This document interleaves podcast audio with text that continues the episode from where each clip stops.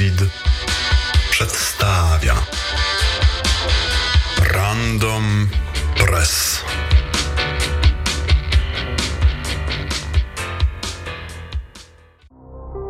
Już trilogu koniec marny. Urzędniczy tusz jest czarny.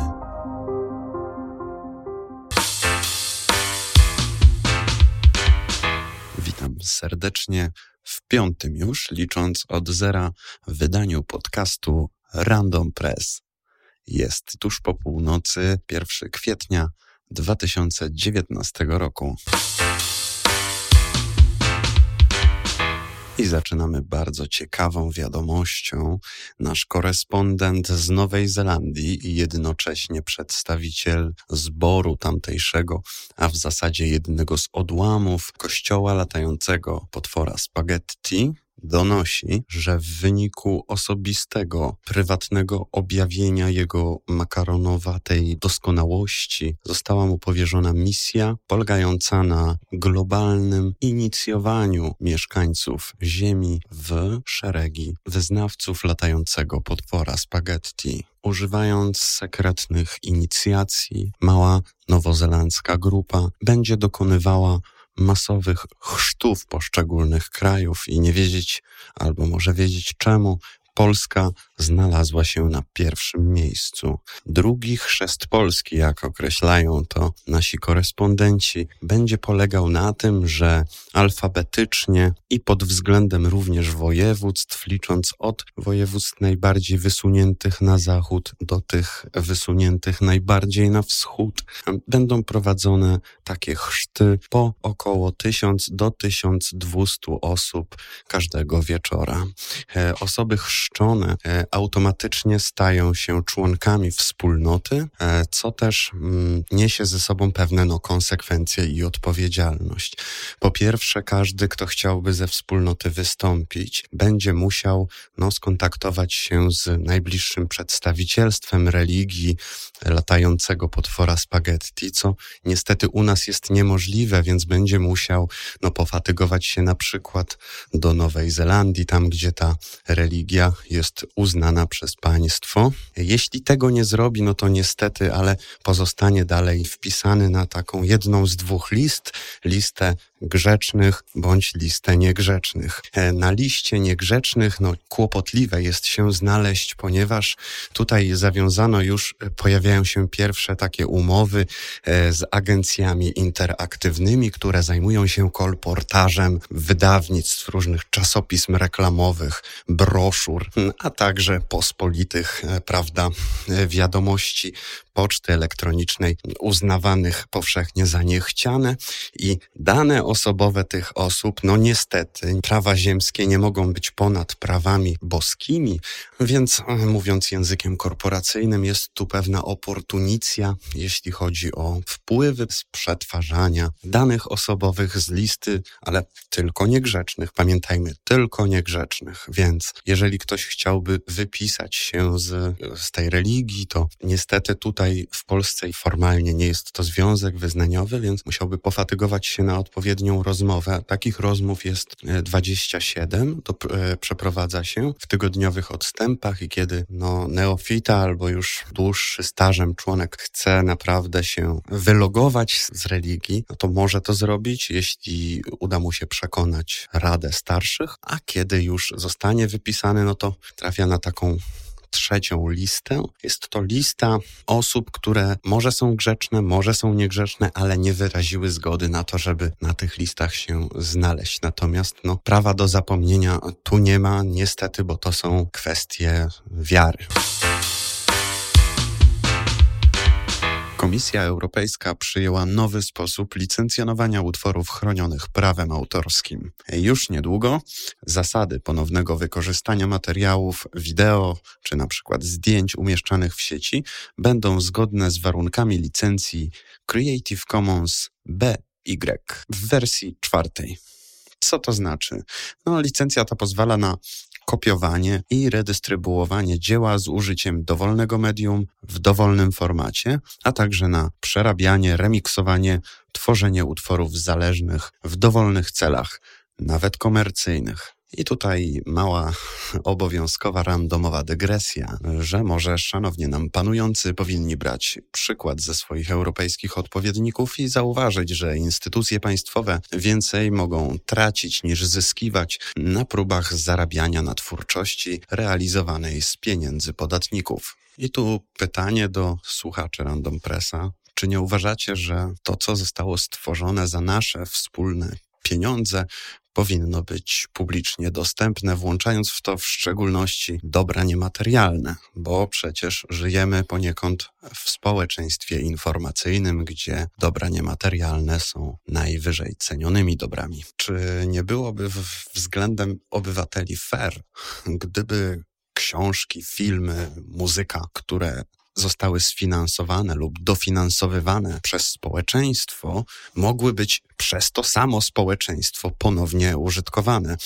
Też w sposób twórczy. No bo wyobraźmy sobie taki świat, w którym zamiast dostawać wezwanie do zapłaty od uprawiającej copyright trolling kancelarii adwokackiej, y, możemy pobrać ciekawy film, użyć fragmentów tego dzieła, zmienić coś w nim, poprawić, dodać do niego własną ścieżkę dźwiękową, puścić znajomym, wyemitować w klubie na ścianie, cokolwiek.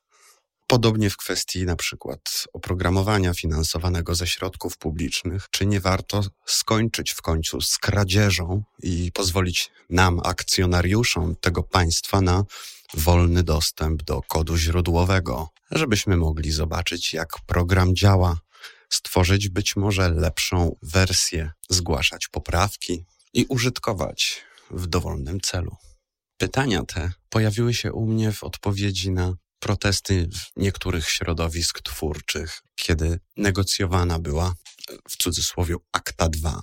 Zastanowiło mnie wtedy, że jeżeli przyjmujemy taką ostrą, spolaryzowaną dyskusję i nazywamy ludzi pobierających cyfrową zawartość złodziejami, to czy nie powinniśmy również złodziejami nazywać tych, którzy za publiczne pieniądze realizują się twórczo, a następnie ścigają tych dotujących ich dzieło za to, że nie kupili biletu, tylko pobrali to na swój komputer? Pamiętajmy, że za każdym razem, kiedy wyciągamy ręce po publiczne pieniądze i tworzymy coś na bazie tego, a potem nie dzielimy się tym ze społeczeństwem, BMW zjada kotka.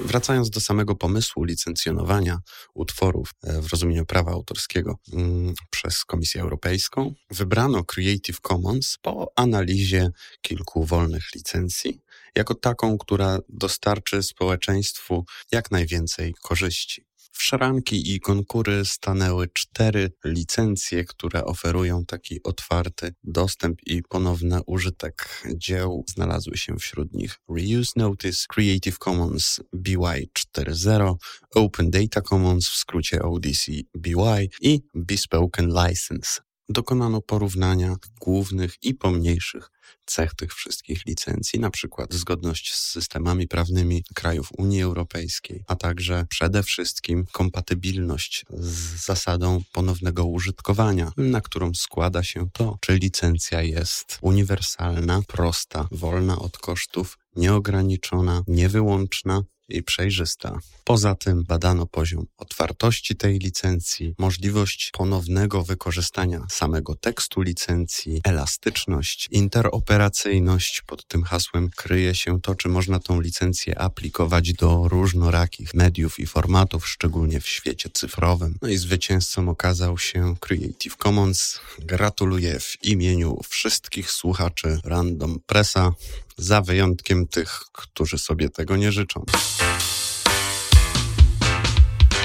Serwis Motherboard podaje, że producent oprogramowania służącego do szpiegowania, e, przeznaczonego dla telefonów komórkowych, po ataku wymierzonym w swoją infrastrukturę postanowił zamknąć swój hosting zaatakowana infrastruktura, z której korzystała aplikacja o nazwie MobiSpy, zawierała 95 tysięcy zdjęć i ponad 25 tysięcy nagrań rozmów telefonicznych, do których dostęp mógł mieć każdy.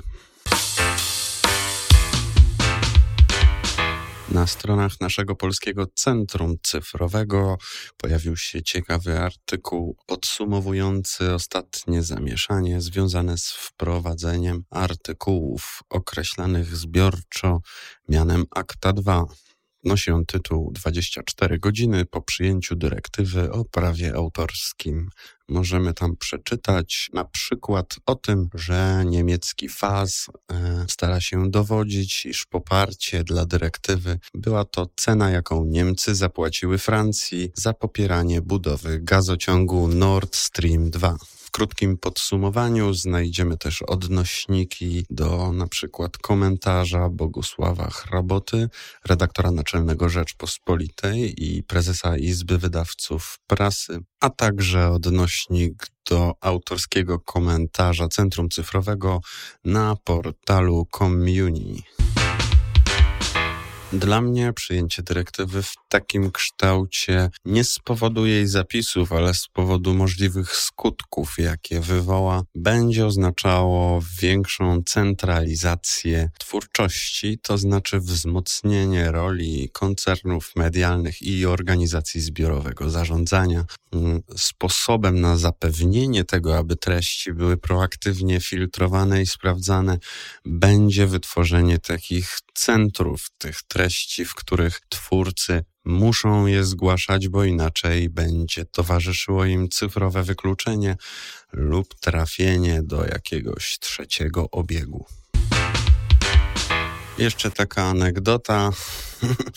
Jeśli chodzi o filtrowanie, największy na świecie serwis treści wideo, czyli YouTube, jego mechanizmy Content ID zablokowały jakiś czas temu streaming League of Legends Champions Korea, organizacji, która organizuje takie esportowe wydarzenia.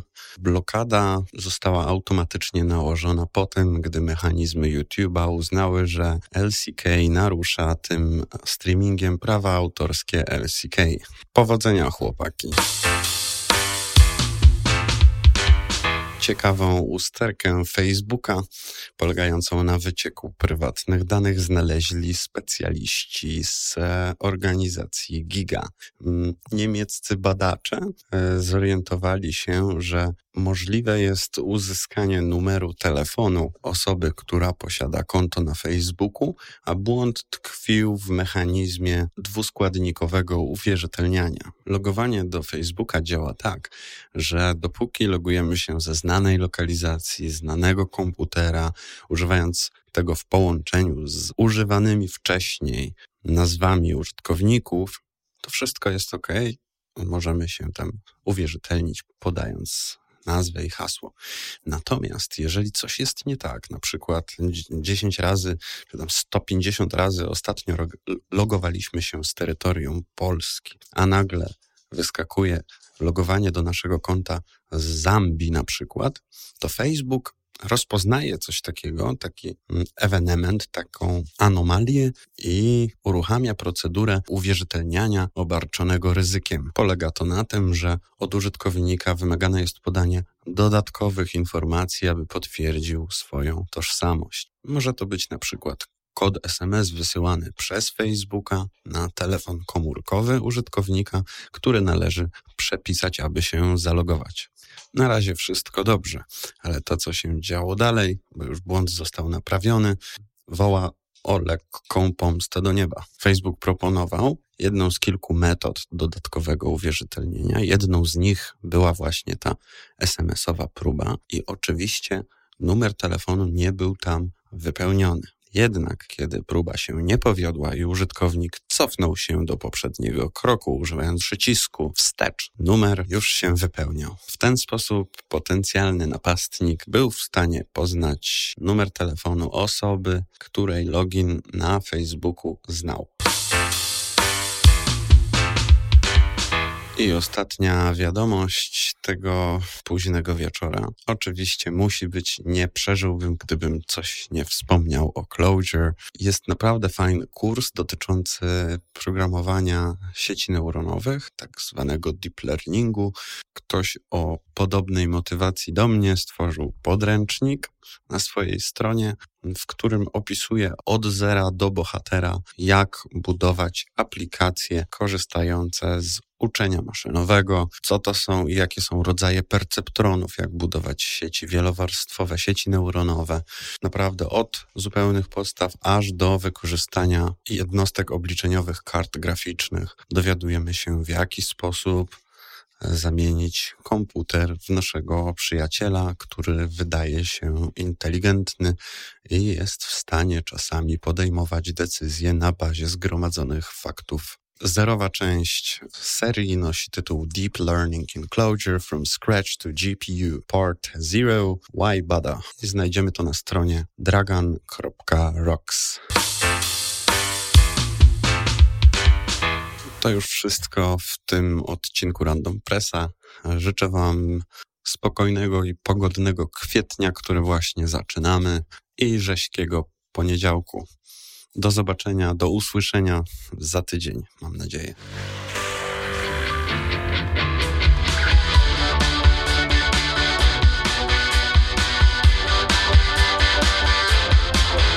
Random Press.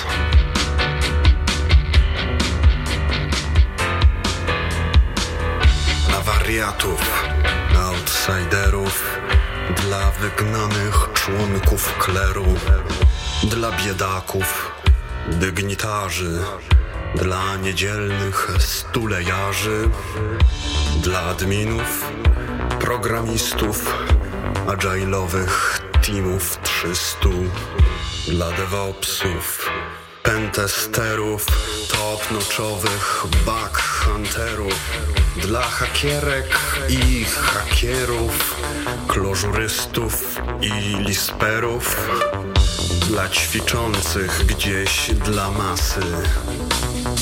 Randomowy przegląd prasy.